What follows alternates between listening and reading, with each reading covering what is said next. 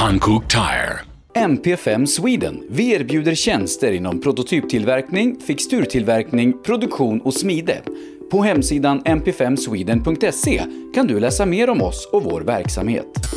Nybe AB. Med bas i Småland är vi verksamma i södra Sverige med byggentreprenad för såväl stora som små projekt, för industrier, större fastigheter och villor. Tillsammans erbjuder kompetens inom byggnation, projektledning, planering, VVS, plåtslageri och kringtjänster som till exempel leverans med kranbil. Vi har även ett komplett byggvaruhus i Eneryda.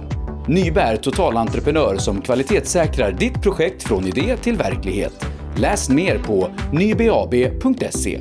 Girvelius Store, en butik med stort utbud. Vi har det mesta från heminredning och accessoarer till jakt och fiskeutrustning. Vi är dessutom Swedol-partner. Besök vår butik på Vallgatan 45 i Fjugestad eller vår webbshop girvelius.com. Elinstanät är ett brett företag inom elentreprenadbranschen som erbjuder lastbilstransporter, alla typer av schaktmetoder och även schaktfri teknik såsom horisontal styrd borrning i både mjukmark och berg. Vi är Årets Företagare 2020 i Melleruds kommun. Vår ambition är kostnadseffektiva lösningar och hög kvalitet. Elinsta Nät. Max-moduler erbjuder professionell hjälp med hantering av alla sorters moduler. Moduler som i jämförelse med andra typer av byggen har lägre byggkostnad, är flexibla och har kort bygg och etableringstid. Vi kan hjälpa dig med allt från byggbodar till temporära omklädningsrum eller kontor. Vi bygger helt enkelt den bod du behöver. Spana in vår hemsida maxmoduler.se eller ring så berättar vi mer. Maxmoduler. Det behöver inte vara svårare. AM Elteknik erbjuder tjänster inom el och kommunikation för företag och privatpersoner. Mina damer och herrar, hjärtligt välkomna ska ni vara till livepodden Rallystudion by Hancock här direkt på Rally Lives Facebook-sida.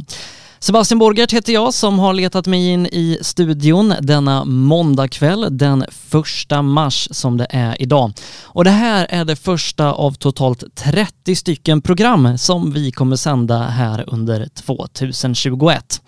För hela det här konceptet med livepodden som nu då går under namnet Rallystudion by Hancock kom till förra året i mitten av mars när coronapandemin slog till och vi fick massor av tävlingar och liknande inställt. Så istället för att bara lägga ner allt som hade med rally att göra så drog vi igång den här livepodden där vi förra året sände 32 program där vi varje måndag pratade med människor och profiler ifrån rally och bilsporten. Detta för att under de tuffa utmanande, utmanande tiderna som vi just nu lever i eh, ändå kunna ha en samlingspunkt och eh, träffas digitalt och utbyta rally och någonstans umgås och få ta del mer av den här fantastiska sporten som vi alla älskar. Så som sagt, 30 stycken program kommer vi göra i år, 15 stycken här under våren varje vecka från och med idag. Och efter sommaren så drar vi igång och så kör vi 15 program fram till jul. Så att det kommer bli mycket rallysändningar och mycket intervjuer här under året. Eh, men de här sändningarna hade aldrig varit möjliga utan våra fantastiska sponsorer som är med och gör det här möjligt. Inte minst våran huvudpartner Hancock Tires eh, som tillsammans med Girvelius Store, MP5 Sweden, Max Moduler, Nyba AB, Drive VXO, Elinstanät, AM Elteknik och Heda Skandinavien gör de här sändningarna möjliga. Och precis som under förra året så har vi också ett samarbete med Sunnyside Experience där vi säljer sådana här Fuck cancerdekaler. Man kan köpa två stycken sådana här för 325 kronor. Då får man två sådana här snygga dekaler eh, och dessutom så får man massor av exklusiva livepoddar, eh, program och intervjuer som vi inte sänder i våra andra kanaler utan som man bara får om man är med och stöttar Fuck Cancer och köper sådana här dekaler. Så köp två dekaler genom att swisha 325 kronor till 0763 57 12 28. Eh, märk meddelandet med vilken färg du vill ha, om det är orange, svart eller vit. Eh, guld eh, har vi också. Eh, och så uppger du din adress dit vi ska skicka den så får du eh, livepoddar på sms och dekaler hem i brevlådan samtidigt som du är med och stöttar kampen mot cancer. Vi ska här om en liten stund ge oss in i dagens program och ringa upp eh, årets första gäst, ingen mindre än rallyföraren Susanne Kotulinski som under 80 och 90-talet var en av våra absolut snabbaste förare både i Sverige och ute i Europa. Men innan det så ska vi ta oss till finska Rovaniemi där det i helgen kördes rally-VM. Jag var på plats och följde våra svenska utövare och efter tävlingen så hade de det här att säga. Uh, Oliver Solberg uh, i mål i VM, uh, debuten i VRC. hur går tankarna så här direkt efter målgång? Nej, jag är ju extremt lycklig först och främst och sen det har varit så otroligt kul, en fantastisk helg och det jag är lite synd med snurrningar på sista sträckan men herregud det har varit en så bra helg ändå.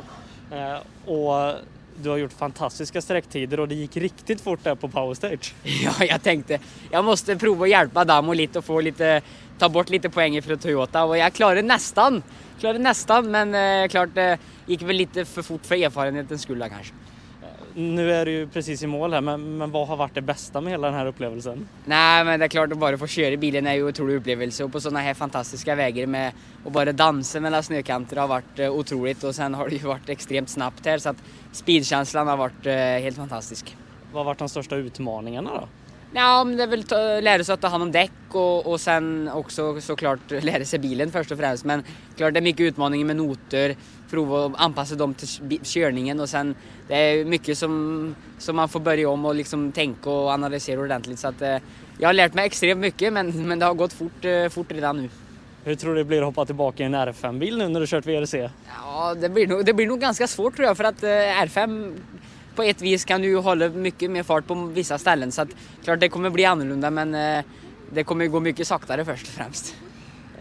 Hur eh, ser du fram emot fortsättningen av säsongen? Förstår att det är mycket tester och utvecklingsarbete som, som ligger framför dig nu.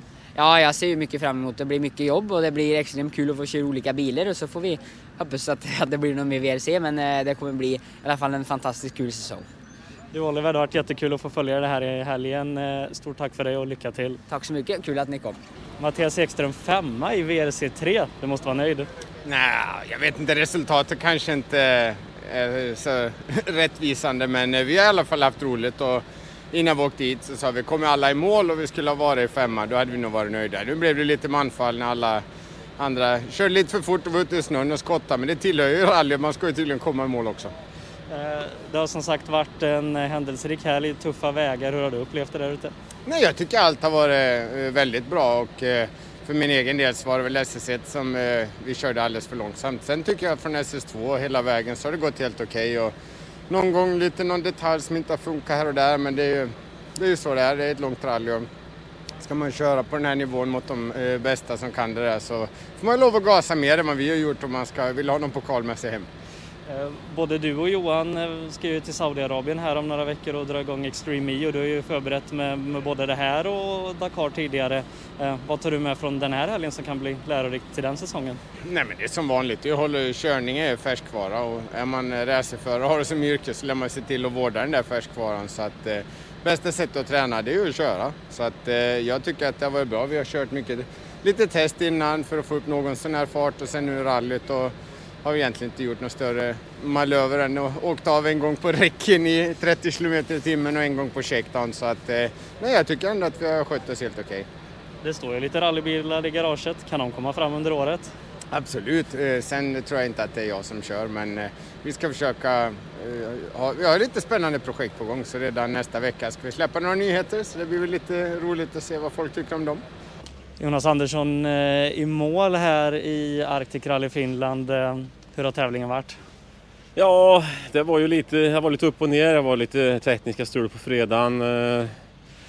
Sen funkar inte bilen klockrent i, igår på dagen heller. Den funkar någon sträcka då och då, helt okej okay, men sliter lite med att det är lite för mycket understyrt och svårt att komma runt sväng med den. Så Men ja, funkar bättre idag i alla fall. Eh, lite, mer, lite snabbare väg och lite bättre fäste. Då funkar bilen bättre. Så hade väl ett par helt okej tider på de två sista sträckorna. Så skönt att vara i mål. Fick i alla fall en tredjeplats på powerstage så det är väl någon poäng extra. Uh, hur ser ni fram emot uh, fortsättningen av säsongen nu? Nej, nu får vi hem och ladda batterierna så får vi se när det dröjer över ett tag när det blir någon mer tävling för oss. Ehm, ska vi försöka åka så få tävlingar som möjligt med den här gamla bilen och förhoppningsvis eh, kommer en ny bil här i mitten på säsongen som vi ska kunna köra lite mer framgångar med. Men kul att åka vinterrallyn då? Absolut, det var jättekul. Fina förhållanden och, och bra tävling, bra, bra motstånd så det var skitkul så sett så det, det ska man inte säga någonting om. Ehm, så det var, det var välkommet. Johan, i mål på Arctic Rally Finland. Hur har det varit den här? Eh, det har varit bra tycker jag. Eh, förutom den lilla fadäsen vi hade när vi stod i snövallen där i nio minuter så har det ändå varit helt okej okay, liksom. Tycker att jag avslutade ganska bra de sista fem sträckorna och börjar bra och avslutar med de sista fem okej okay, tycker jag. Så det var lite kryckigt där i början på lördagen men eh, hittade tillbaka lite grann till pace och conference i alla fall. Så lärorikt. Eh, det är ju ungefär en månad till du ska köra race i Saudiarabien. Eh, kan du ta med dig någonting härifrån som blir lärorikt till det? Ja, men det gör man alltid. Det är alltid viktigt och bra att vara i eh, race mode liksom och vara med och tävla mycket och sådär. Så att, eh, sen eh, körning och sådär, det är alltid någonting kan man alltid ta med sig med och läsa vägen och så vidare. Och sen är det svårt att spekulera i och med att jag inte riktigt vet hur det blir i extrem e. Det blir min första nya tävlingen så ingen riktigt vet vad det blir så det ska bli otroligt spännande. Kan det bli mer rally framöver? Eh, jag hoppas det. Eh, jag gillar ju rally liksom. Sen är det klart att det inte är kul att få storstryk eh, utav de som åker snabbast. Men det finns bara ett sätt att åka snabbare och komma närmare det och köra mer liksom. Så vi får se lite vad som händer framöver. Bra kört i helgen. Tackar! Ja, där hörde vi som sagt regerande rallycross-världsmästaren Johan Kristoffersson som i helgen körde in på en tionde plats i Arctic Rally Finland eh, VRC-deltävlingen som kördes där i helgen. Vi hörde ju också inte minst ifrån succémannen Oliver Solberg en sjunde plats i VRC-debuten. Mattias Ekström och Jonas Andersson hörde vi där också. Vi ska nu prata mer rally. Vi ska göra det med veck veckans gäst som tillika är årets första gäst, nämligen Susanne Kotulinski som vi ska ta och ringa upp nu. Hej det är Susanne. Hallå Susanne, det här var Sebastian i rallyradion. Hej Sebastian. Hej Susanne, du, hur är läget? Ja men det är bra tycker jag. Jag sitter och knapprar faktiskt på datorn. Eh, men jag har också suttit och tittat lite grann eftersom eh, jag visste att du skulle slå mig en pling här och så ska man komma ihåg massor med gamla minnen och vilka år och vilka bilar och så. Så det har jag pysslat med på eftermiddagen. Jag hoppas jag inte har gett dig för mycket arbete bara. Absolut inte. Kul att få minnas roliga saker. Eh, du Susanne, vi ska ju prata rally och bilsport och, och jag förstår att eh, i, i, er familj eh, så, så är det ganska, ganska självklart att det är sånt man pratar om vid middagsbordet? Eh, nej, faktiskt inte. Jag tror att vi, eh, i och med att alla på ett eller annat sätt har hållit på med motorsport eller fortfarande håller på med det, så försöker vi nog att inte hamna i, i det snacket just kring middagsbord. Men det är klart att det kommer upp. Eh, det är klart att det gör. Men ja, det, det, det är väl trevligt att, att, få träffa sina barn som är numera är vuxna så då försöker man väl att, att hinna med lite andra samtalsämnen än just deras ja, racingkarriärer eller rallykarriärer eller så. För vi försöker ju också vara, har alltid försökt att vara med dem faktiskt, från första början. Men du, vi, vi ska ju prata om, eh, om din rally och bilsportkarriär och eh, jag undrar liksom hur, hur började du med det här? Ja, um, det var väl så här att uh, jag hade två föräldrar som absolut inte ville att jag skulle börja. Uh, så att uh, när jag då hade hamnat i högerstolen som kartläsare under ja, 1977 tror jag till och med, så åkte jag med en kille från Huddinge Motorklubb, eh, Hasse Weinzierl och ja, men jag tyckte det var kul och sen var det ju Claes Uddgren som såg till att man hamnade bredvid en eh, jätteduktig tjej från Huddinge Motorklubb också, Yvonne Blomlid. Och där så åkte jag väl med också ett år tror jag. Men, men någonstans så föddes tanken att fasiken, det skulle ju vara rätt kul att köra själv. Eh, och då träffade jag Lotta Wennberg som också tyckte det här var lite småkul. Och då slog, ingen av oss hade ju pengar att köpa en bil för egentligen. Men hon jobbade på SE-banken vilket var görkäckt för då fick hon ett lån. Jag jobbade inte på bank. Så jag tänkte då fråga min bank, det vill säga mina föräldrar. Och det var tvärstopp. Jag, nej, de ville inte låna ut pengar till att jag skulle köpa en rallybil. Så så började det faktiskt. Och det var en liten kamp Eh, en kamp i så tillvida att jag åkte givetvis hem till min mormor och morfar och köpte biskvier på Älvsjö kontori. Och sen när man hade suttit och tittat på lite foton och varit sådär socialt trevlig så, så ställde jag givetvis frågan om jag skulle kunna få låna de där tusenlapparna som fattades på den tiden eh, för att köpa en Ascona A som jag hade tittat på. Och då började min mormor att gråta och då tänker man, va? Men då var det ju så att min pappa var lite klurig så han insåg ju ganska snabbt när jag hade fått ett nej hemma att vad gör hon nu? Jo, hon åker till mormor och morfar. Så då hade han ringt och sagt att kommer hon nu och ska låna pengar så säger ni nej. Ja, där hamnade vi liksom. Så då stod jag där och ville köpa bil och hade inga pengar. Um, lyckades till slut övertala min pappa att följa med och titta på den här bilen i alla fall. Uh, och det gjorde han och det var en bra bil. Vi var runt och tittade så det liksom var ordning på den här bilen jag skulle köpa. Och då är på vägen upp i hissen igen till den här mannen som jag skulle ville köpa bilen och så sticker pappa ner handen i bakfickan. Han hade aldrig plånbok utan alltid liksom sedelbuntarna där. För cash var king på den tiden. Ja. Och då tog han upp de där 3000 eller 4000 uh, vad det nu var för summa. Och så ger han dem till mig och så säger jag, va? Får jag låna? Nej, sa du får inte låna. Du får se det här som ett förskott på arvet. Um, ja, så så köpte jag min första rallybil och efter det så fick jag aldrig en krona av mina föräldrar för att kunna fortsätta att tävla. Så ja, så började jag. Eh, men, men rally finns ju i din familj genom dina föräldrar och, och så vidare. Mm, hur, hur, var det att växa upp i en, i en motorfamilj? Um, fantastiska minnen och resor eftersom alla sommarlov tillbringade vi ju tillsammans med pappa ute på racingbanorna.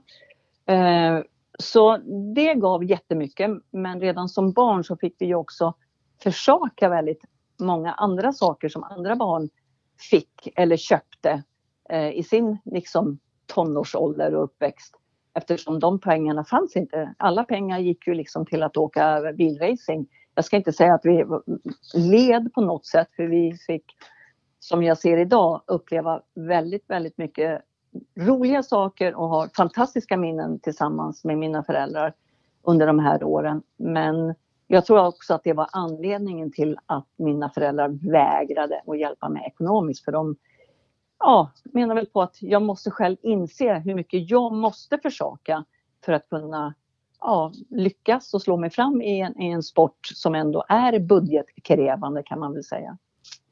Men när du var liten och växte upp i olika depåer och sånt, eh, ville du, liksom hade du intresset då av att tävla själv eller var det någonting som växte fram när du blev äldre? Det, jag skulle vilja säga så här, i depåerna, jag har ju, kan jag stolt berätta, alla, alla Formel, ja, alla racingstjärnor på den tiden, deras autografer. För det var ju liksom, det var ju det jag fick pyssla med när pappa tränade och körde sina race. Det var ju samla autografer så fick man på kvällen då så fick pappa liksom översätta vem det kunde vara. Om det var Jackie X eller Bev Bond eller Ronnie Peterson, eller Eje Elg eller vem man nu hade fått en autograf av.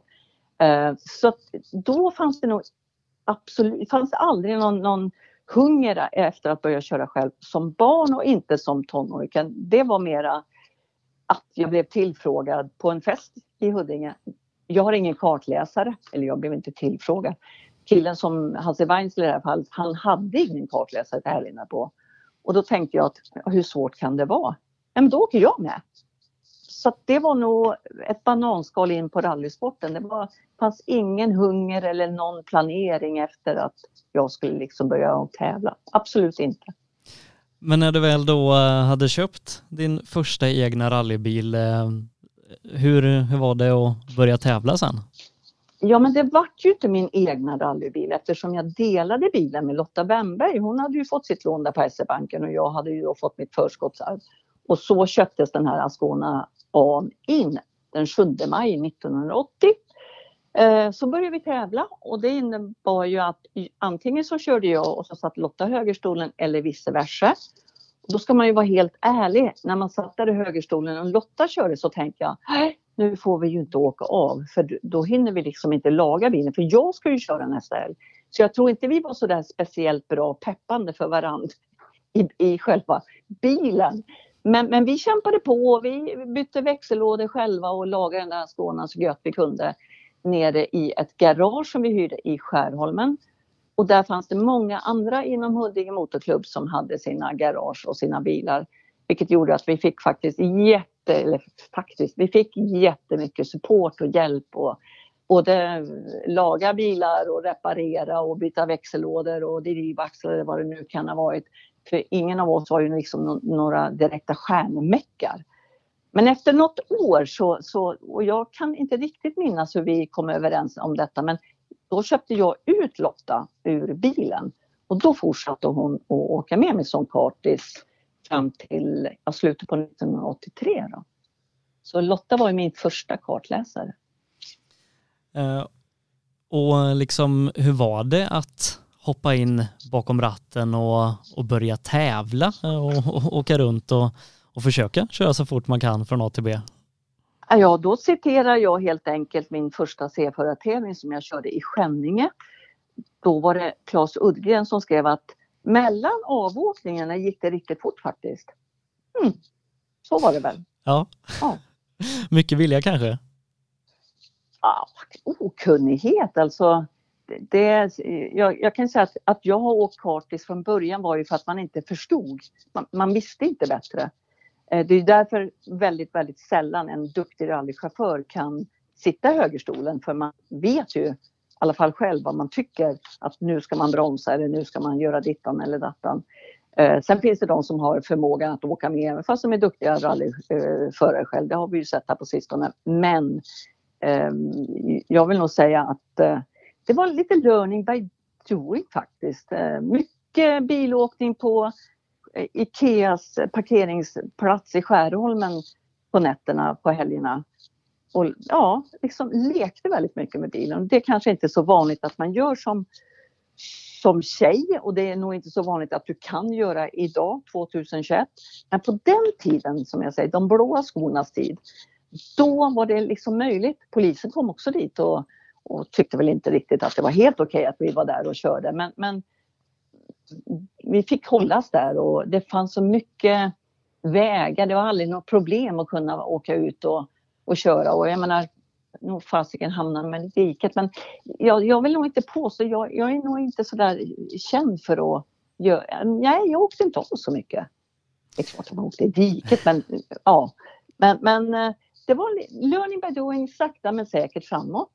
Och, och en, en, fantastisk insats av Lotta, det måste jag säga. En jätteduktig tjej, både vad det gällde att sitta i högerstolen men också eh, en, en idéspruta var hon. Jag, menar, jag, jag kommer aldrig glömma när hon kom ner i garaget. Vi låg där och olja och jag vet inte vad vi skulle göra då. Men då säger hon, ja men eh, vi måste hitta sponsorer. Det kom ju ganska tidigt in eh, för vi hade ju inte pengar liksom. Det var ju bara så. Eh, och då sa hon, ska vi inte, ska vi inte kolla om vi kan få spons av OB-tamponger? Jag bara, va? Men ja, men så tänkte jag väl, jag såg väl på saken, så tänkte jag, ja men eh, jag provar.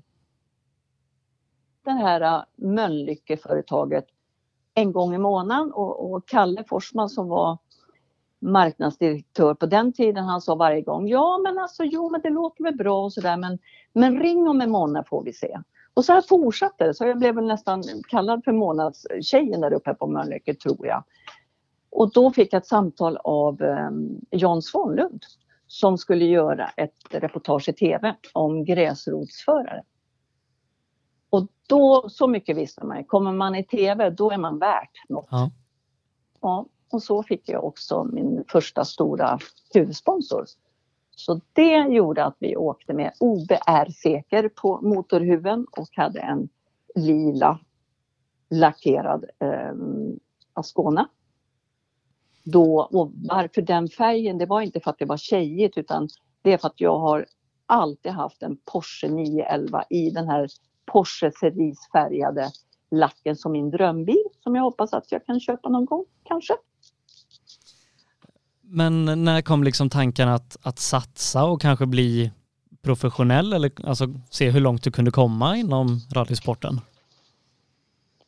Jag tror inte att det var, den tanken fanns inte utan jag bara slet som en varg och räknade varje krona i däck och reservdelar och bensin. Eh, jobbade otroligt mycket med samarbetspartners.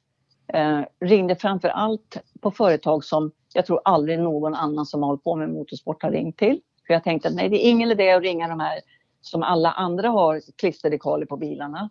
På den tiden så var det ju mycket en klisterdekal på bilen som gällde. Idag så ser vi det väldigt, väldigt annorlunda ut för att få in en samarbetspartner än att bara ha en dekal på bilen. Det är väl det minst viktiga. Så jag jobbar mycket och tyckte det var roligt det här med, med sponsorer och samarbetspartners och liksom ja, tyckte det var kul. Jobbade också väldigt mycket ute i skolorna och eh, pratade om trafiksäkerhet och, och framförallt inte köra bil när man, när man har druckit alkohol. Och sen var jag ute på militärförläggningarna och det här gav ganska mycket eko i pressen på den tiden. Och det gjorde att jag blev eh, kallad till, till eh, Bilindustriföreningen på ett årsmöte där på hösten 83 för att berätta liksom vad jag har gjort där ute på skolan och vad jag har pratat om och sådär. Eh, och då satt det många bilmärken där inne. Och då fick jag bland annat ett visitkort. Jag fick med mig fyra hem från olika fyra bilmärken men ett var från Volvo och Tom Trana. Mm. Som sedermera kom att bli min teamchef men också min bonuspappa har jag alltid kallat honom för. Ehm, um, för utan Tom hade det aldrig blivit den lyckade satsningen som, som ändå gjordes då. Så ehm, då eh, hade jag lite samtal med de här olika bilmärkena och, och bollade jättemycket med min pappa. Eh, hur jag skulle tänka och vad som skulle vara rätt. Och, och till slut så landade det i ett eh, muntligt kontrakt med, eh, med eh, Volvo och då var jag med juniorlandslaget som startades 1982. Så vår första RAC-tävling körde vi 82. Och 83 skulle jag åka igen. Då hade jag väl vunnit, tror jag, tjej-RM som det hette på den tiden. Och skulle i alla fall åka dit eh, i svenska juniorlandslagsfärgerna för att tävla i RAC och det gjorde vi. Eh, och då vet jag att ett av de sista sakerna som, som pappa skickade med mig var att liksom, de har redan valt dig. Du behöver inte prestera någonting i RAC. Valet är liksom klart, men håll dig i skinnet och se till att du har kul, men gör ett bra rally där nere. Och det gjorde vi väl, tycker jag. Jag minns att vi kom i alla fall i mål, så det var ju toppen. Och på vägen hem då när vi sitter på båten så så kommer det upp i högtalaren att eh, det var telefonsamtal till eh, Susanne Kotelinski. Det var ju innan de här mobiltelefonerna fanns. Ja. Så jag får väl gå upp på den här kaptensbryggan någonstans där och, och då är det Tom Trana som eh, är i luren. Så säger han, nu är det signat och klart. Så när du kliver av båten, då väntar en pressfotograf så vi kan ta första pressfotot på dig. Men, säger han, du får inte berätta det här för någon. Och jag kan inte ens eh, låta bli och, säga till mina barn och till min man och till dem jag ger present. Du kan väl gissa vad det är i paketet åtminstone. Ja. För jag älskar att ge bort presenter och jag älskar att överraska. Så när jag kommer ner till bordet där vi sitter alla meckar och kartläsare så, så är det klart att de, vad, vad är det som har hänt? För man tror ju att någon har dött när man får ett sådant samtal. Och då kan jag givetvis inte hålla mig utan jag tar med hela gänget ner i den där lilla, lilla hytten som vi hade. Och så, och så fick man berätta att jo men jag är fabriksförare för Volvo. Det är helt, när jag säger det fortfarande idag 2021 så liksom så minns jag så otroligt starkt eh, jag är nästan gråtfärdig när, när, ja, när du går tillbaka till den, till den kvällen just. Det var wow, alltså det var så häftigt. Och det var tre fantastiska år med Volvo. Det är mm, helt sjukt. Helt sjukt. Så jag, Men eh, om, om vi hänger kvar lite vid, vid de åren du, du gjorde i, i Opel där innan du, du hamnade i Volvo. Vad, vad var det för, för typ av tävlingar och mästerskap och sånt? Och det var, var det en satsning på en serier eller körde du allt som gick? Nej, alltså, så länge plånboken inte var tom så körde vi. Alltså, och, och, och det var väldigt bra att ha Lotta Wennberg med då. För hon kunde det här med pengar och framförallt hennes chef. Han sa, ni kör inte om inte pengarna kommit in. Ni kanske skick- har skickat en faktura och ni vet att pengarna kommer om en månad. Men pengarna ska vara på kontot. Och det var, var en väldigt, väldigt god lära. Otroligt god lära. Så så gjorde vi. Så, så fort det fanns pengar på kontot, då körde vi bil. Så mycket verka. Eh, Och, och det var ju ett par framgångsrika år. Eh, Du nämnde RM-serien där. Eh, Jag- tror att du, du vann den tre gånger innan du, du kom in i Volvo så att det var, det var framgångsrika år i Opel. Ja, roliga. Också jätteroliga år såklart.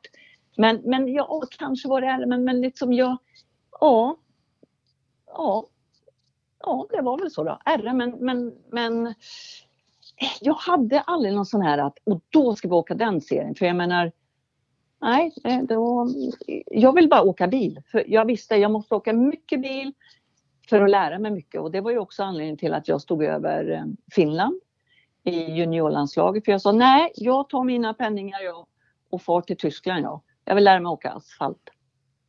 Så, så vi, där hade vi ju en fantastisk landslagsledare både i Bosse Svanér och sen också Anders Kulläng. Det är en förmån att ha fått vara med på den där tiden. Så är det ju. Eh, För, för redan Opel-åren då så, så åker du ganska mycket i Tyskland och, och någon tävling i, i Österrike så. Eh, va- Varför Mm. blev det just de länderna som, som du tävlade i? Dels för att jag kan tyska. Det underlättar ju alltid när man kommer till ett land att man kan språket. Alltså språk som jag säger till alla. Skit i matten, det finns sådana där räknemaskiner. Se till att du kan prata så många språk som möjligt. För det är en sån otrolig styrka när du... För det handlar ju om att bli... Att, att du, du vill ju bli eh, intervjuad av press och media. Eh, och kan du då prata på deras språk, alltså då får man ju stjärna till i himlen någonstans. Alltså det, det är min eh, summering av, av varför, varför kunde jag sen få en styrning för Audi och åka eh, två år för Audi eh, nere i Tyskland. Ja, ja, det är väl klart att, eh, det, att de tittar lite grann på att man kan åka bil, men jag tror jättemycket värde i att man kan språket. Det tror jag. Eh, Du gjorde ju eh, ett, ett par VM-starter då under karriären. RAC var du inne på, har du startat ett antal gånger och så även eh, Svenska rallyt. Eh, Kommer du ihåg ditt första Svenska rally? Nej, nej. Ja, Ja, jag vet ju att jag, jag åkte tillsammans med, med Lena Sterner som kartläsare. Det vet jag, tror jag. Tror jag. Ja, jag, jag tror det var Tror jag. 1983 i alla fall om, eh, om arkiven stämmer. Ja, ja, det var ju det också. Men, ja, men då, är det nog, då är det väl nästan Lotta som måste ha åkt med mig. Det, ju. Wennberg. Ja, Ja, jag minns inte. Mm, Eh, ingen Men, koll. eh, nu för tiden då när man, eh, när man kör VM och större tävlingar så, så rekar man ju två gånger, eh, inte mer eh, och- och helst inte mindre. Eh, hur, hur var det på, på din tid där i början av 80-talet? Tränade ni och i så fall hur mycket? Mycket säger jag då på den, på den frågan. Alltså galet mycket. Ehm, galet mycket. Jag vet i alla fall säkert 1986 och den frågan om du, när du ställer om vi tränar mycket. Det kan du fråga alla som åkte i Svenska rallyt 1986 för de fick bära Volvo 240 högt och lågt. Så när vi satt på morgonen och planerade våra träningsrutter då vet jag att eh, Marco Alén och ja, de här. Var ska ni åka idag tjejer? Ja, då sa vi var vi skulle åka. Då bara, ja men dit åker inte vi. För de fick ju lyfta den här Volvo. Jag åkte av något så fruktansvärt många gånger under detta svenska rally på träning på Reken. Men sen höll vi oss på vägen istället då, då när vi körde så det var väl bra då. Så många mil, alltså jag minns att vi kanske åkte en sträcka 15 gånger. Helt galet. 20 kanske till och med. Så man, man, man sov ju med noterna i skallen på, på nätterna. Två veckor tror jag vi la i träning. För man fick ju åka hur mycket man ville och, orkade egentligen. Det fanns ju inga restriktioner, bara tid, vissa tider som vi inte fick träna. När posten skulle ut och barnen skulle hem med skolskjutsar och så. Men annars var det ju bara kör på. Eh, som du varit inne på då, just eh, ekonomin är ju den stora liksom eh, haken i rally och bilsport att, att få till. Och det är ju liksom dels underhåll och att starta efter och så vidare. Men, men att lägga två veckor plus tävlingsveckan från jobb och sånt, det, det måste också varit, varit tufft. Ja, men jag Eh, understryker igen, jag hade förmånen att verkligen få säga att jag varit fabriksförare. Det innebar att jag hade ju en lön också av Volvo. Så jag var ju, jag gjorde jättemycket event och eventdagar för dem och var ute hos många återförsäljare och så. Men det var ju en otrolig lättnad. Eh, även fast det här har präglat mig eh, faktiskt hela mitt liv. Jag har fortfarande svårt att gå in och jag köper gärna på rea, så det tycker mm. jag är så himla bra om man kan tjäna lite pengar där.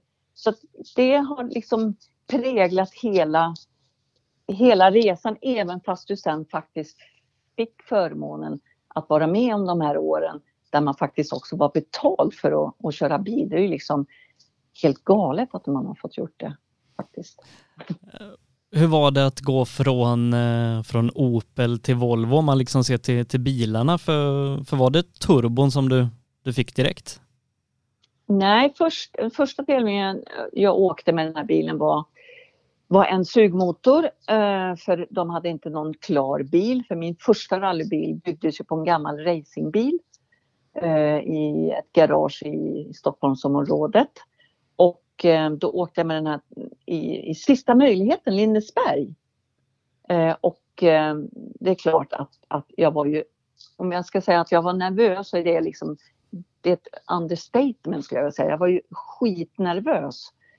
Eh, och jag hade Marianne Sterner med mig som, som var en otroligt liksom, kompetent kartläsare och Tom Trana var jättenöjd med att jag hade med mig någon som var lite äldre än mig och, och skulle få lite ordning på mig.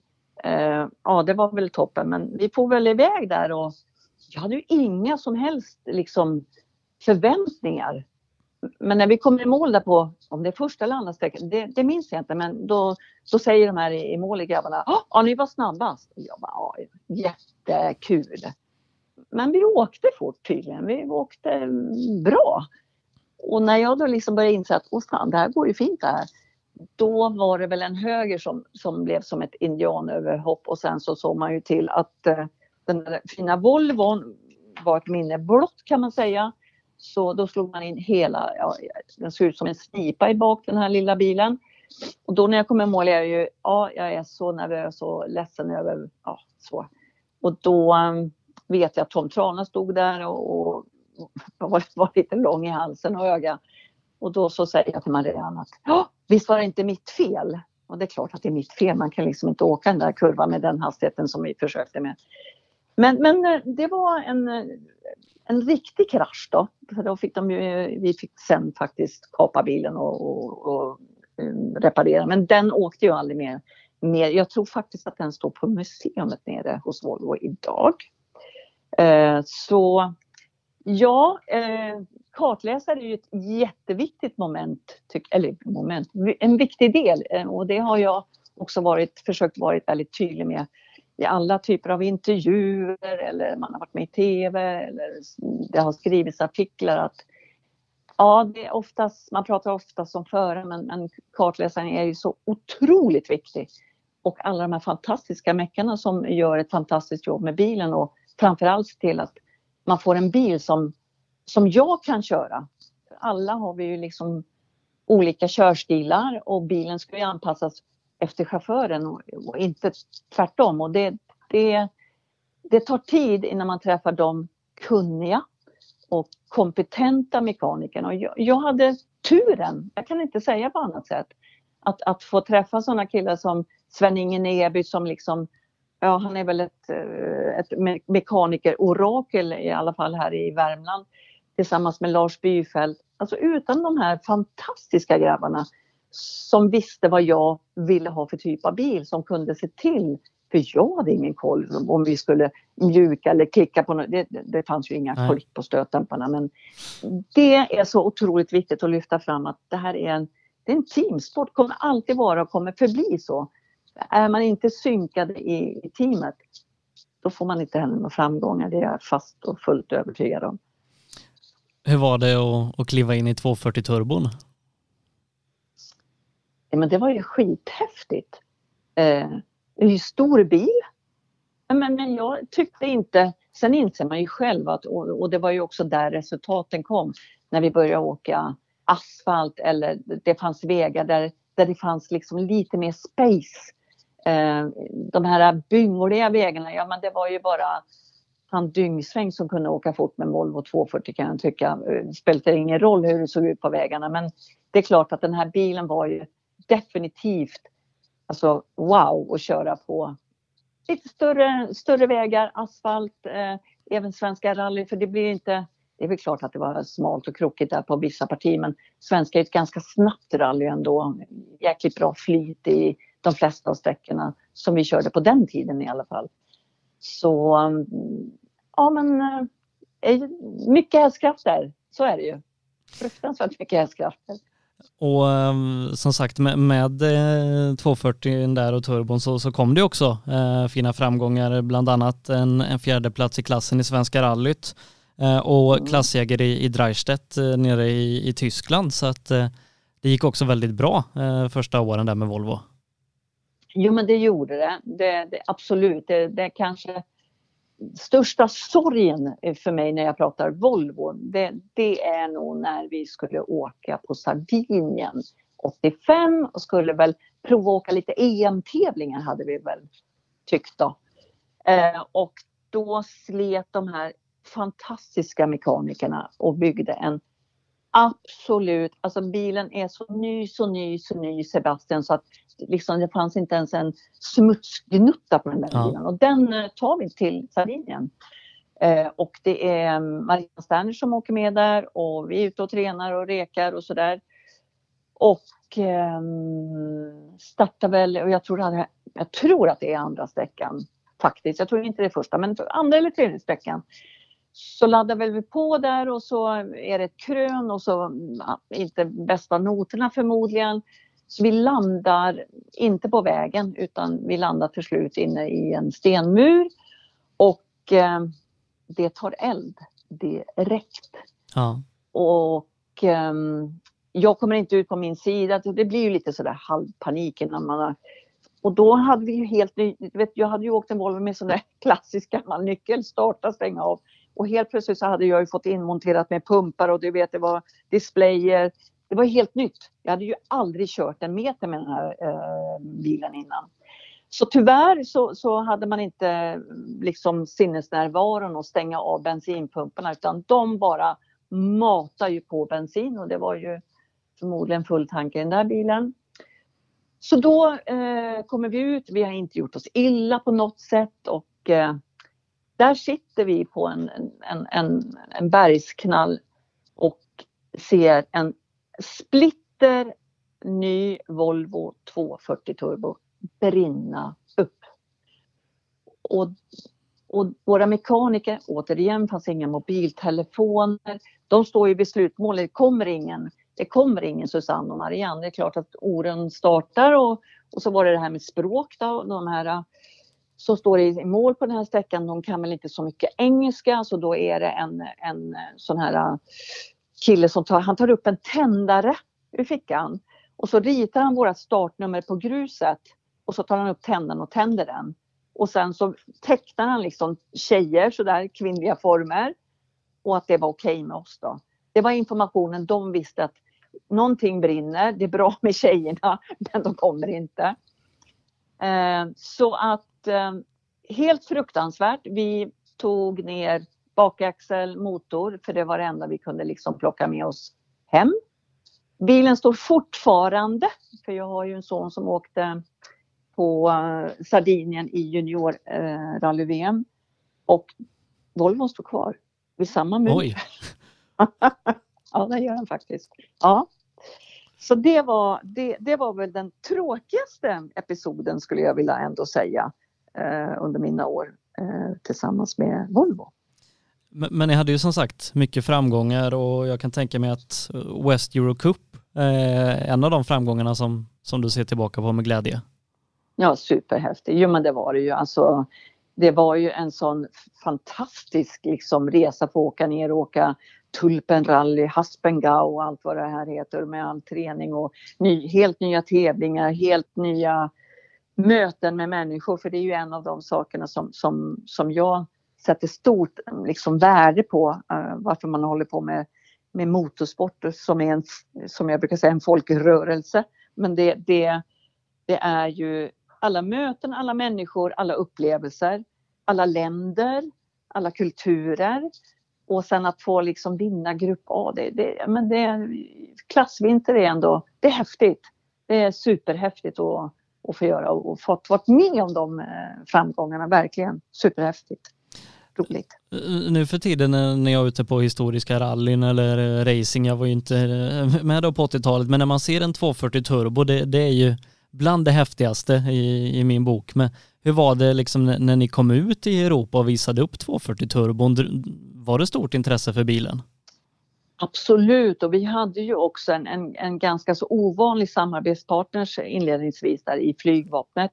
Så det är klart att liksom komma med Swedish Air Force på motorhuven och Tre Kronor. Alltså, ja, det var häftigt. Det var verkligen häftigt. Det, det var det. Och en bil som, som eh, hade otroligt mycket hästkrafter som, precis som du säger. Eh, och det med slicks, alltså, ja det var coolt. Det kan jag inte säga något annat. Men det var coolt. Det var det. Eh, I, I slutet av Volvoåren där så, så har du ju en, eller en numera då ganska välprofilerad kartläserska som, som jag faktiskt träffade på ett hotell i Rovaniemi i helgen. Eh, mm. Hur, hur lärde du och eh, Kristina eller Tina Turner känna varandra? Jo, men det var så här att eh, jag åkte ju då med Marianne under eh, 80, ja, hela, alltså från 84 fram till slutet på 85. Eh, men jag var ju, jag ville ju spara pengar. Alltså det här låter ju helt galet men när jag skulle åka biltem så tänkte jag så här.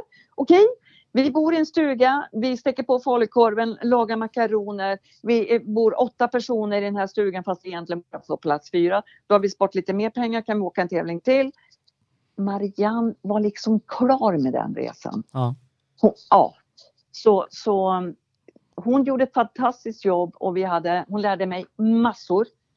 Men jag tror att, att det var för stor åldersskillnad på oss. Och framförallt, hon hade redan gjort det här en gång i tiden.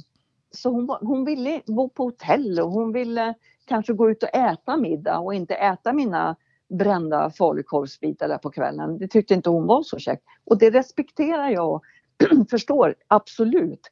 Så då började jag liksom fundera på, ja men det skulle vara bra att hitta någon tjej i, i min ålder så. Ja. Och då var det faktiskt Jonny Johansson som sa att, eh, ja men du, eh, Tina Turner där, hon, eh, hon, hon har tidigare polat med, med eh, Lars-Erik Torp.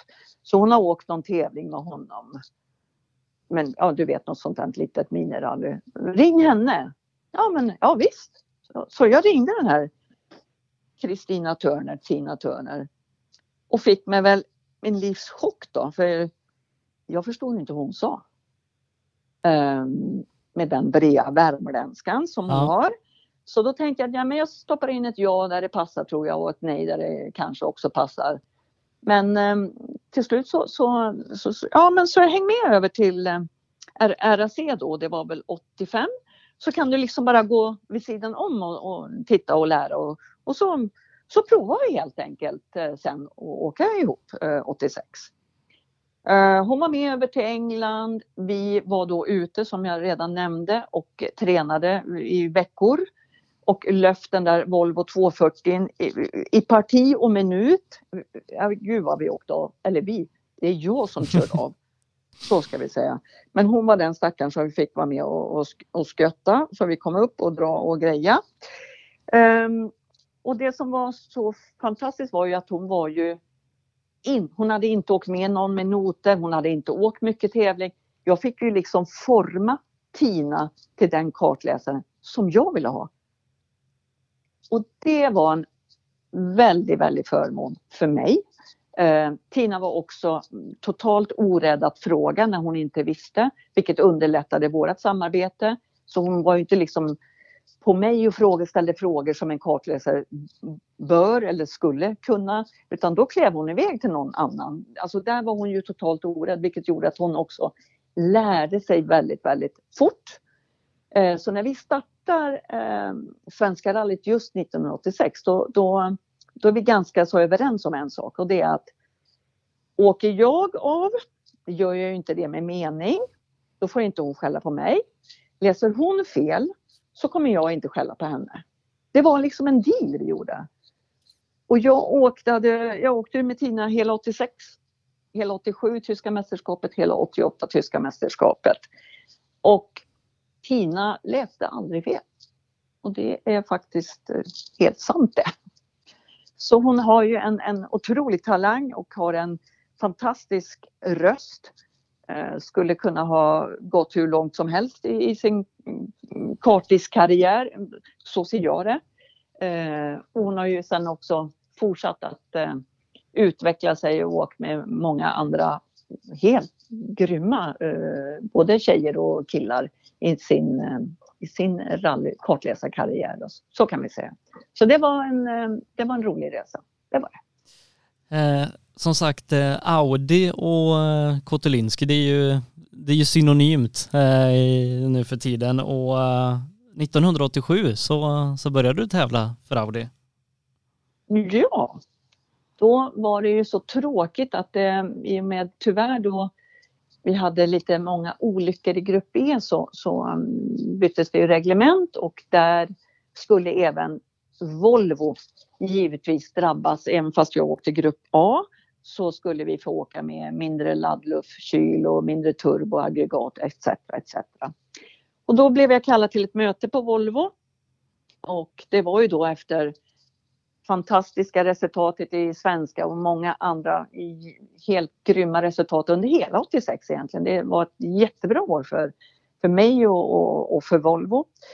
Så um, menade vi på, det var ett gemensamt beslut att det blir inget bra. Om jag nu startar Svenska rallyt 87 och så um, blir du liksom 28 och så kommer alla fråga, men varför kör du inte fortare? Alltså såklart, varför går det så här dåligt? Att varje gång då svara jo men du vet att nu har jag andra, du vet mindre hästkrafter. Det blir press och eh, journalister trötta på till slut ett sånt svar. Man blir alltid trött på personer som eh, klagar på bilen. Eh, därför så, så, så sa Volvo följande till mig. Vi föreslår att vi eh, avslutar vårt samarbete med, med flaggan i topp. Men vi förstår nu när det är september eller oktober eller vad det var att det inte är så lätt för dig att, att hitta en ny styrning till 87. Så um, vi fortsätter att uh, stå för din lön ytterligare ett år. Hittar du något nytt kontrakt så självklart, då är det som det är. Men vi förstår också att chansen är ganska så liten. Det var ett fantastiskt avslut. Det, det blir jag nästan tårögd också ja. av. För det var med, med så himla schysst, så himla schysst. Eh, och, men då tänkte jag att, ah, fasiken, jag vill inte sluta. Det var ju inte min plan då.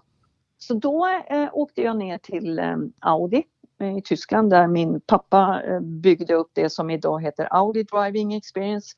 På den tiden hette det Audi Fahr und Sicherheitstraining, en, en eh, utbildning som startades i samband med att Audi egentligen började hålla på med motorsport. Och så var det väl så att det skedde alldeles för många olyckor bland mekanikerna när de var ute och körde service. Eh, så man startade en utbildning, det gjorde han tillsammans med Dr. Pirch som då härskade högt där uppe i hierarkin. Och det gjorde att pappa kände ju många nere på, på, på eh, Audi-fabriken. Så jag fick ett namn och det var en herr doktor uh, Dieter Scharnagel som satt på pressavdelningen på Audi. Och dit gick jag och knackade på dörren.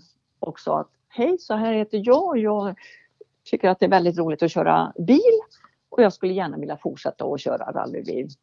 Och jag vet att eh, nästa år så, så kommer ett nytt reglement som heter Grupp N och jag vet att eh, ni har en Audi 200 Quattro som, som skulle kunna passa. Mm. Ja, och sen så eh, togs beslutet på um, fabriken att eh, ja, men vi kör. Så jag eh, körde för dem, eh, rättare sagt, det skulle skaffas pengar där också såklart, för det här var inte heller helt gratis eftersom jag åkte för ett fabriksteam också. Eh, så då fick jag ju en, eh, en sponsor som, de har aldrig klivit in tidigare i, eh, i motorsport, framförallt inte rallysport, racing tror jag man figurerat tidigare. Jag fick Jägermeister som huvudsponsor. Jag, jag tycker det är absolut inte en god dryck, så kan jag säga. Men det fick man ju hålla färgen under ett år, för det var det ju värt.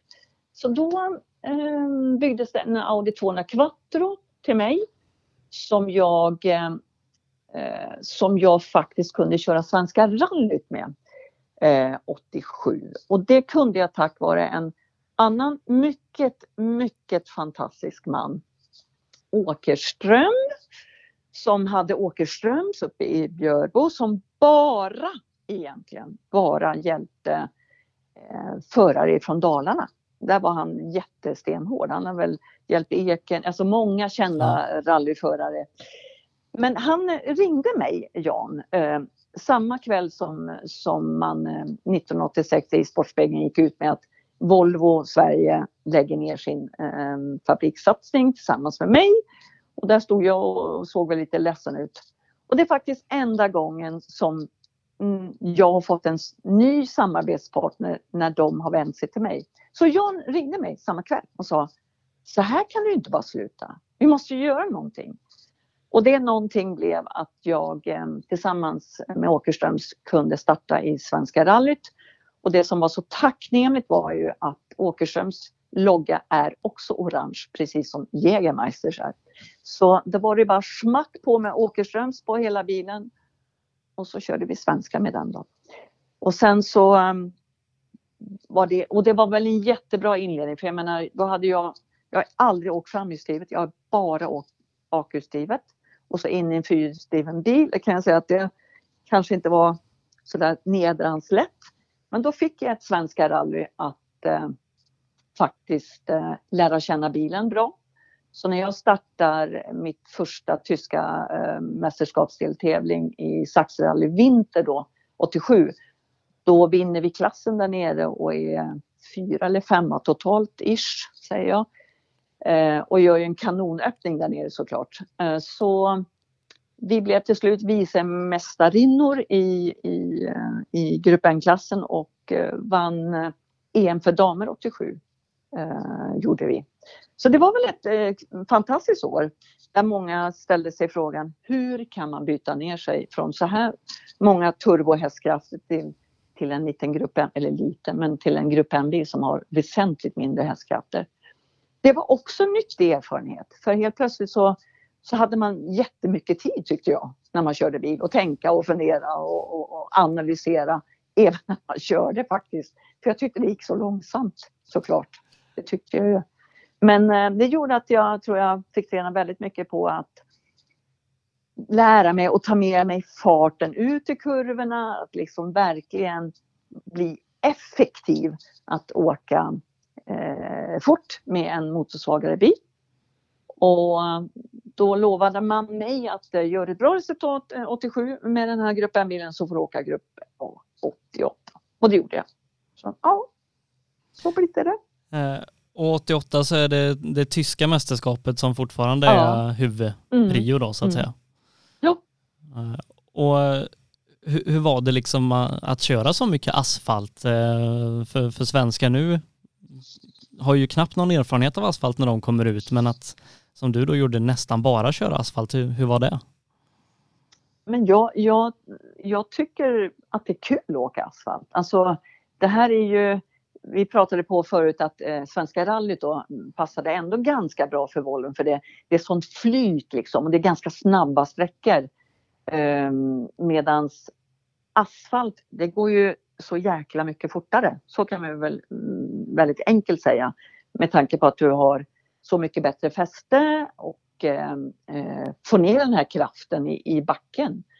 Eh, så, så asfalten är, är, jag tycker det är en bra, ja det är, en, är någon som bara liksom kanske åker här hemma i Sverige, eller inte bara, det var, det var inte, det lät negativt. Den som väljer faktiskt bara tävla här hemma i Sverige och inte har någon ambition att, att åka utomlands. Det är en sån jäkla upplevelse och väl investerat att faktiskt åka iväg och åka några rallyn utomlands. För det, det, man höjer sig så, alltså det är så lätt att man, man jämför sig hemma. Vi vet ju att, att konkurrens också eh, präglar och eh, utvecklar oss. När vi, för vi vill ju bli bättre. Så, så funkar det ju för alla. Att man, man vill åka fortare och man vill vara säkrare. Och, och, mm, ja, och då tror jag att det är jättebra att prova på inte bara åka grus eller bara åka. Sen handlar det här om budget, men det är som jag säger, budget, om man ska liksom sammanfatta det. Budget, den oron att få ihop pengar, eh, att hitta partners som vill samarbeta med den är oberoende vad du åker, hur mycket du åker, så är den oron, den är lika för alla. Skillnaden är de där nollorna som är bakom summan. För det tror jag man jäkligt lätt glömmer bort att man pratar oj det är så mycket pengar man ska åka R5 eh, i SM till exempel. Ja, men det är lika mycket oro och lika mycket jobb för den som ska åka grupp E eller eh, grupp H eller vilken klass vi än pratar om. Det tror jag är så himla nyttigt för en själv att tänka när man tycker att det är så himla jobbigt och det är så himla tungt att det är faktiskt så att alla, alla får kämpa som fasiken för att, för att, för att, för att ihop sin budget så att säga, för att kunna åka sin säsong.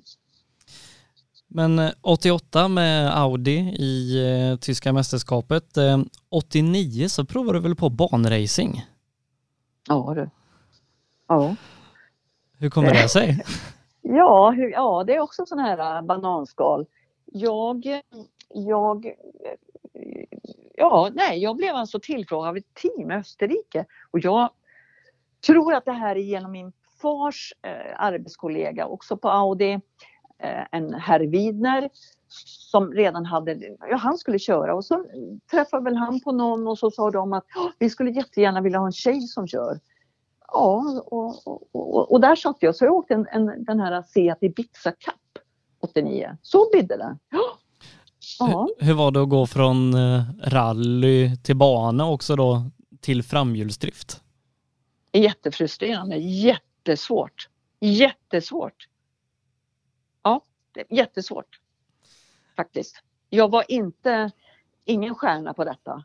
Det vill jag inte påstå. Gjorde inga såna, ingen sån höjda säsong där. Absolut inte. Gjorde inte. Nej. Sen, Men ja. Men jag hade kunnat hamna någon helt annanstans. För som avtackningspresent när eh, Audi-fabriken och Audi Motorsport framförallt tog beslutet att sluta med rallysport så blev jag inbjuden till en eh, testkörning med sån här IMSA du vet med 650 ja. hästkrafter banracing. Ja, det hade man, då var man ju som en sån liten fågelholk i ansiktet men jag flög i alla fall över dit. Och på plats där så, så var eh, Hans-Joachim Stuck som är en mycket välmeriterad racingförare i Tyskland och Walter Röhl. Det hade man ju fullständig koll på vem det var såklart. Eh, och jag hade med min pappa. jag sa du måste, du måste följa med för jag har aldrig kört banracing så här. Och, ja, för det här är alltså hösten 88. Eh, Men ehm, och då var ju han lite smart lilla farsgubben så då sa han nu när du åker ut, för jag skulle nämligen testa mot en annan eh, italiensk tjej, Paula, ja, du vet jag och namn, helt värdelöst. Hon åkte också rally på den tiden jag gjorde. Det spelar egentligen ingen roll. Eh, vi skulle se vem av oss två är snabbast. Den av oss två som var snabbast skulle få en plats i ett damteam och köra IMSA-serien 1989. Det var planen liksom. Ja. Eh, och då har man ju lite halvpress på sig kan man ju säga. Men då säger min pappa så här, nu åker du ut och spelar ingen roll, du åker bara, även fast de säger att du har 20 minuter att köra eller en kvart, spelar ingen roll. Efter två varv kommer du in och så säger du att du sitter inte bra. Okej, säger jag. Ja, för då kan vi snacka lite taktik. Ja, men då gjorde jag väl det då. Jag åkte väl ut och åkte två varv och in där och så sa jag, jag sitter inte bra. Och så kom det mekaniker och det skulle höjas och sänkas och vad det nu skulle göras. Och då hade vi några minuter där till övers och prata och snickersnacka. Och det regnade jättemycket den här dagen, eh, vilket var säkert en fördel för, för egentligen båda oss två. Eftersom eh, det är lite mer nära rallykörningen än, än om det hade varit solsken, torrt och slicks på en gång med en sån kraftpaket som vi hade. Hur som haver så, så, så blev det lunch och eh, då, då, står man ju verkligen där med sådana stora ögon och lyssnar på de här två mycket meriterade männen när de diskuterar. Och jag får ju frågan väldigt, väldigt ofta. Ja, men eh, vad, vad är bäst, en rallyförare eller racingförare? Och det kan du ju förstå att det blir ju just det snacket i våran familj blir inte så bra då, för vi har en rally och en racing. Så där har man alltid försökt att backa. Eh, men jag har aldrig haft ett sådär bra svar. Men bra svar fick jag då, för då frågar just den här Stupp som är en renodlad racingkille. Han säger så här till Röhl. Du, säger han, efter långa rakan här nu.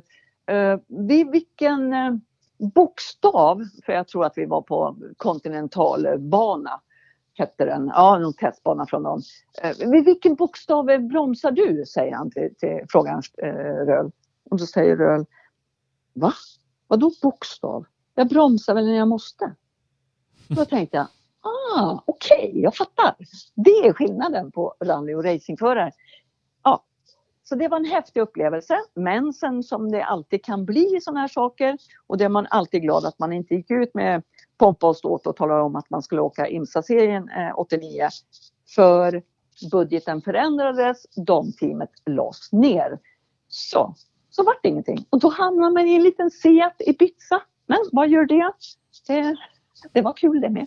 Lärde mig säkert någonting på det också. Men eh, till 1990 så var det tillbaka till rally och eh, tillbaka till Sverige?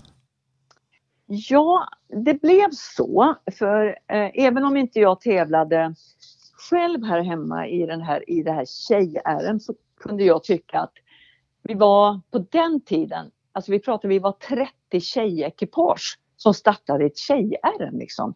Och så och så hade vi då SM-klasser i, nu ska vi inte peka ut någon annan motorsport, men som hade SM-status eh, där de var mycket, mycket färre. Så då stred jag som en pupp tillsammans med en fantastisk kvinna, Margareta Christensen, som, som faktiskt startade Ladies in Action eh, och, och, och, hela den kuppen och var med och jobbade stenhårt för för att få en SM-status och då fick vi ju faktiskt beviljat SM-status för damer. Och då tänkte jag, men vad fasiken, fränt! Ja men det, det vill jag göra. Och då fanns det ju eh, en, en som också tyvärr har lämnat oss, Sigvard Andersson satt ju då på Audi i Södertälje och, och eh, han tände på idén eh, att vi skulle köra både dam-SM och herr-SM. Eh, och så startades Team Olinsky, för det var ju så mycket namn och långa namn om man ska ha med alltihopa. Och då inköptes det in en eh, Audi 90 Quattro och eh, trimmades av Trendab. Och med denna bil så startade jag då första SM-deltävlingen och då med, jag tror faktiskt att Jerry åkte med mig där av någon konstig anledning. Hur som haver så fick man ju inte, man fick ju inte skriva egna noter. Och det var ju det enda jag hade gjort de, sista, de senaste åren. Jag hade ju aldrig åkt på en arrangörsnoter liksom. Och detta vart ju totalt frispel i min lilla hjärna, det kan jag erkänna. Så ny bil eh, som jag skulle liksom också lära mig samtidigt som jag skulle lyssna på, för, för mig, hieroglyfer liksom. Så nej men de där noterna de slängde vi i baksätet. För jag kunde, det gick inte. Nej. Nej, men det, nej, det gick inte. Och då till andra tvn så tänkte jag, men vänta lite, jag har ju alltid åkt på siffernoter. Jag försöker att lära om den här hjärnan nu så jag åker på sådana här beskrivande med ord. Nej men det var, nej men det gick inte. Så jag åkte till stor del första året där utan not faktiskt. För jag hade ingen nytta av dem. För det, det är liksom, jag, jag, jag försökte ju hela tiden, jag skulle försöka liksom att tänka vilken kurva det var. Men det, det har du inte tid med. Så då, då var det bättre att gå tillbaka till gamla goda tiden och åka på vad man såg. Faktiskt. Så, ja, så var det. Men, men du blev också svensk mästarinna. Ja du, det var kul. Det var väldigt kul. Ja, men det, det, jag tycker alltid det, är alltid, det är otroligt häftigt att fått, fått vinna ett, ett, ett SM-guld. Och för det, den, den historiska vinsten, den kan ju aldrig någon... Det kan vinna, du kan vinna massor av SM-guld. Men, men just det första, det kan ju bara en vinna. Och, det var jag som fick göra. Tillsammans med ett grymt gäng. Så nej, jag är... Ja, men det, det är superkul faktiskt. Så det är, väl, det är väl det enda, tror jag, som finns här hemma just nu. På, hänger på köksväggen någonstans i någon... Ja, den har jag kvar. Annars är det inte så mycket pokaler här hemma nu för tiden. Det är det inte. Eh, för, för sen blir du väl eh, mamma två gånger om de kommande åren? Ja, så här är det. När man går i mål där och har vunnit SM, då tog man lilla beslutet att nu skiter vi i p-piller. Och eh, ja, då är det så att när jag startar första SM-deltävlingen 91, för vi skulle ju åka vidare, det var ju klart liksom. Då var ju jag ju redan med Fredrik. Så Fredrik har ju faktiskt vunnit tre SM-deltävlingar i magen redan. Eh, och det var ju lite pinsamt sådär, det var det ju. Alltså att säga, jag, det var ju ingen som visste att jag var med barn. Uh, för det tyckte jag att ah, det är lite oansvarigt att åka rallytävling och vara mamma liksom, eller ja, gravid. Så då hade jag med mig Lotta Torselius uh, det året. Och jag vet då när vi hade vunnit tredje deltävlingen och alla bara skrev ja det är klart redan detta SM för andra året i rad och ba, pre, ba, pre, ba. Då säger jag till henne så här på väg in till besikt eller på väg in till slutmålet så säger jag du Lotta, nu, vi har ett problem nu. Ja vadå säger hon. Vi har ju vunnit. Ja, ja, ja, ja. Men vi är tre i bilen. Va? säger hon. Ja, man, man får bara vara två i bilen. Och då berättade jag att jag var gravid och att ja, så, ja, så, så vart det. Så 91, eh, det är liksom varit tre SM-tävlingar, vinster pang, pang, pang, pang. Och sen så så gjorde jag faktiskt så att jag eh, eh, startade i Säffle tror jag. Då var jag tämligen höggravid. För då fick man nog poäng bara genom att åka över, över liksom startbryggan. Ja. Så det gjorde jag. Och sen så, ehm, så insåg jag att nej, jag kommer inte kunna åka sista deltävlingen. För skulle jag ha vunnit den så hade jag ju vunnit andra året i rad. Då. Och det hade väl varit sent. Men då var Fredrik, han var ju liksom han, jag skulle vara höggravid. Jag skulle inte ha fött när sista deltävlingen gick i Örkelljungan. Men han hade lite bråttom redan på den tiden så det så en månad för tidigt poppade han ut. Och då och han poppade ut med kejsarsnitt. Och då eh, skedde följande, då frågade jag läkaren så här. Du, när man har tagit sådana här kejsarsnitt och sådär, är det farligt att liksom göra sport? Jag vill inte säga att åka rally, det vill jag absolut inte säga. Då säger han sen, ja men man får tänka så det här såret och du måste passa dig och hej och hå. Eh, men eh, då tänkte jag att det här går nog. Så vi åkte dit, gjorde vi. Och startade. Och när jag satte på mig det här fyrpunktsbältet, ja, det kan jag, den smärtan kan jag också minnas fortfarande. Alltså det gjorde så förbenat ont. Ehm, men så vi åkte iväg ser du. Och eh, på första sträckan rasade motorn. Så jag tror, jag tror alltid på de där högre makterna i olika sammanhang och jag tror att han, han där uppe bara insåg att nej, det här är inget bra liksom. Hon ska inte, nej. Så att ja, så vart det. Men, men jag kan tänka mig att eh, en son väger högre än ett till SM-guld. Det är väl bästa guldet man har fått, det är väl barnen. Och, för, ja ursäkta, det kan inte du veta. Tre guld har man. Man har Fredrik, man har Mikael och så har man ju en labradorkille som heter Stiftis. Det är mina tre guld. Eh, och Mikaela får du väl också ganska, ganska snabbt in på Fredrik va? Här kör vi på snabbt. Ja. Ja. Fullt test. Men, men du kommer tillbaka till rallysporten eh, sen 93? Ja, och nu är det ju så här, man pratar ju om tennisorakel, ja, han Björn som kan allting. Vi har ju ett rallyorakel, det, det, tror jag faktiskt hela rally-Sverige vet om vad han heter. Janne Westlund. Det är ju till han man ringer i full panik idag på eftermiddagen och säger Alltså Janne, när åkte jag och Anita sista tävlingen? Vilket år var det? Var det Mitsubishi? Vilken och så? Och han kan ju allting. Det är helt underbart. Så är det någonting ni behöver veta vad det gäller rally, årtal, bilar, ring Janne Westlund. Eh, men som sagt, eh, ett par tävlingar Mitsubishi och liknande under slutet oh. av 90-talet och, eh, och även ja. Dreistedt 02. Ja. ja, och det var med Anita just, det var därför jag ringde. För jag sa, ja. det, det, det, skulle man väl kunna säga egentligen var min sista liksom på riktigt tävling ändå kanske.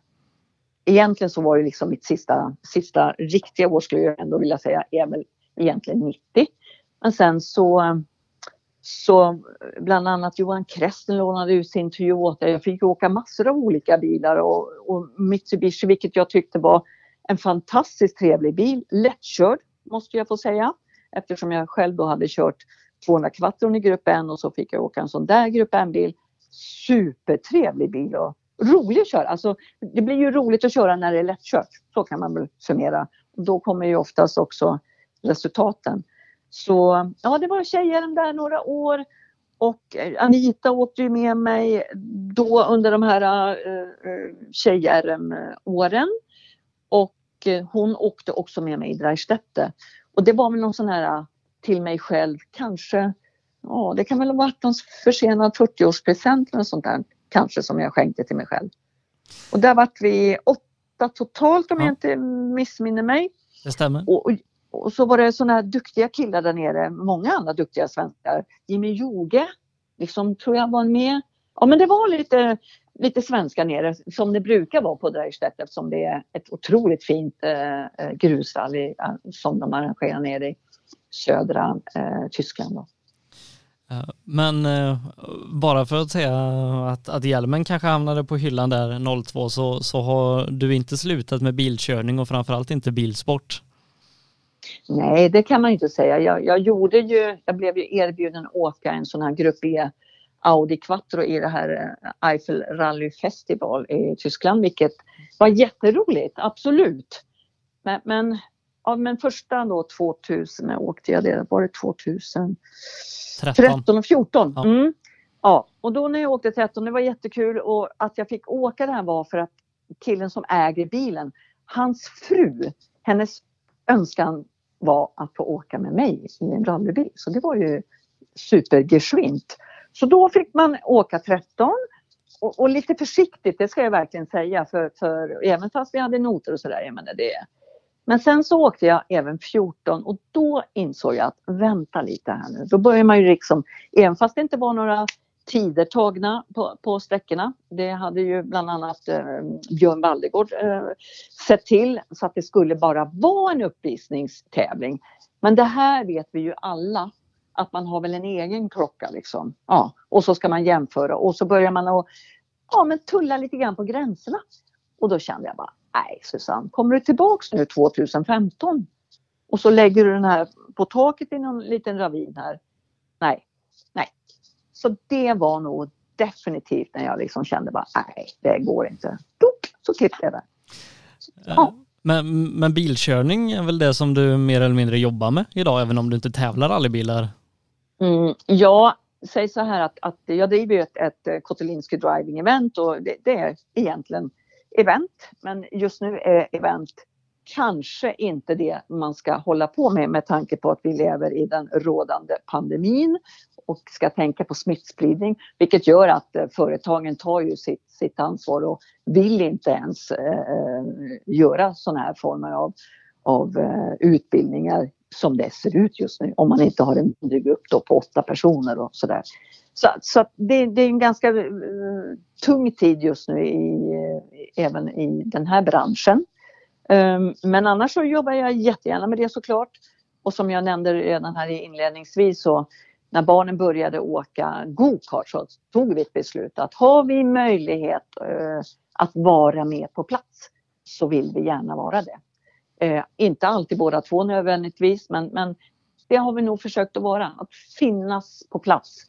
Eh, så det, mm, ja, det är ju fortsätt vi gärna gör med, nu är det ju i och med att Fredrik då tog sitt beslut 2019 att, att äh, lägga hjälmen på hyllan och det är ett beslut självklart relaterat till att, att han inte mm, hade, hade den budgeten som han önskade att han skulle vilja ha för att fortsätta inom eh, rallysporten och, och det mm, respekterar vi självklart eh, fullt ut.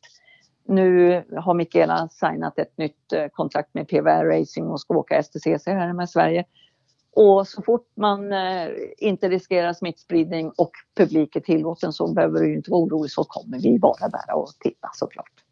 Det gör vi. Eh, om, om, man vill höra mer om, om, Fredriks karriär så har jag gjort ett avsnitt med honom och givetvis ligger Mikaela i, i planeringen framöver också så vi behöver inte prata eh, i detalj om deras karriärer men eh, som sagt det, det blev ytterligare en, en motorsportgeneration eh, Kotelinski och Lin. Ja, jättekul. Jätteroligt faktiskt. Ja, men det är det ju. Eh, det är det. Även fast det var, eh, ska man väl säga, eh, för oss som föräldrar till de här två gulden så, så har det bara varit viktigt att de skulle ha en aktivitet om jag uttrycker mig så. För jag tror att eh, det är precis som jag säger motorsporten, jag menar jag, jag, jag ser det som en folkrörelse. Jag menar det, det vi hade ju aldrig några jobbiga tonåringar. Ja, varför inte det? Därför vi var alltid inom depå och det fanns alltid någon som, som, som tittade och visste vad ens barn gjorde i den här depån. Och där liksom fanns det liksom inte ens möjlighet att dricka en lättcider eller en, en mellanöl. Det, det gick inte. Och det är ett fantastiskt verktyg att fostra barn. Det är att vara tillsammans med sina barn. Och det tycker vi självklart är motorsporten, såklart. Jag har tre frågor som jag ställer till alla som jag, jag pratar med. Eh, den mm. första är, av dem är, vilken prestation är du stoltast över? Svenska rallyt 1986. Vilken är den häftigaste platsen du fått besöka tack vare bilsporten? Azorerna. Och vilken är den bästa tävlingsbil som du har kört?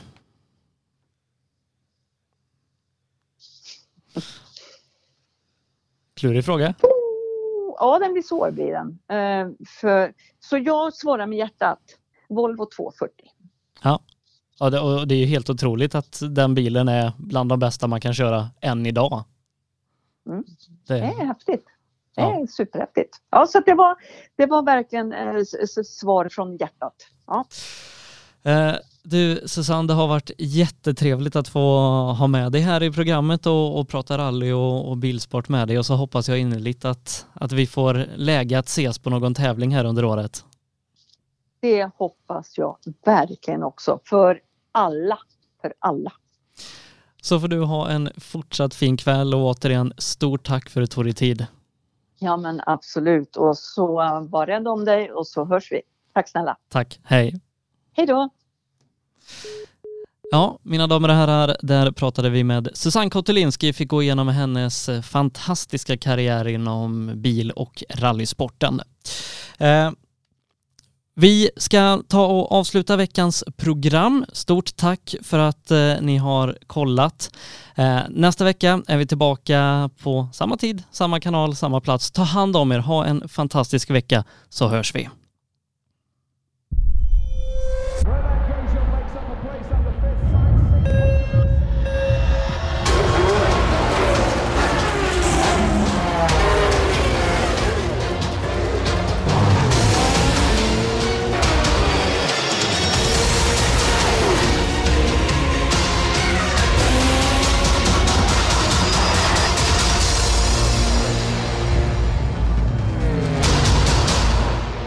Hankook Tire. MP5 Sweden. Vi erbjuder tjänster inom prototyptillverkning, fixturtillverkning, produktion och smide. På hemsidan mp5sweden.se kan du läsa mer om oss och vår verksamhet. Nybe AB. Med bas i Småland är vi verksamma i södra Sverige med byggentreprenad för såväl stora som små projekt, för industrier, större fastigheter och villor. Tillsammans erbjuder kompetens inom byggnation, projektledning, planering, VVS, plåtslageri och kringtjänster som till exempel leverans med kranbil. Vi har även ett komplett byggvaruhus i Eneryda. Nybe är totalentreprenör som kvalitetssäkrar ditt projekt från idé till verklighet. Läs mer på nybab.se. Girvelius Store, en butik med stort utbud. Vi har det mesta från heminredning och accessoarer till jakt och fiskeutrustning. Vi är dessutom Swedol-partner. Besök vår butik på Vallgatan 45 i Fjugestad eller vår webbshop girvelius.com. Elinstanät är ett brett företag inom elentreprenadbranschen som erbjuder lastbilstransporter, alla typer av schaktmetoder och även schaktfri teknik såsom horisontal styrd borrning i både mjukmark och berg. Vi är Årets Företagare 2020 i Melleruds kommun. Vår ambition är kostnadseffektiva lösningar och hög kvalitet. Elinsta Nät. Max-moduler erbjuder professionell hjälp med hantering av alla sorters moduler. Moduler som i jämförelse med andra typer av byggen har lägre byggkostnad, är flexibla och har kort bygg och etableringstid. Vi kan hjälpa dig med allt från byggbodar till temporära omklädningsrum eller kontor. Vi bygger helt enkelt den bod du behöver. Spana in vår hemsida maxmoduler.se eller ring så berättar vi mer. Maxmoduler. Det behöver inte vara svårare.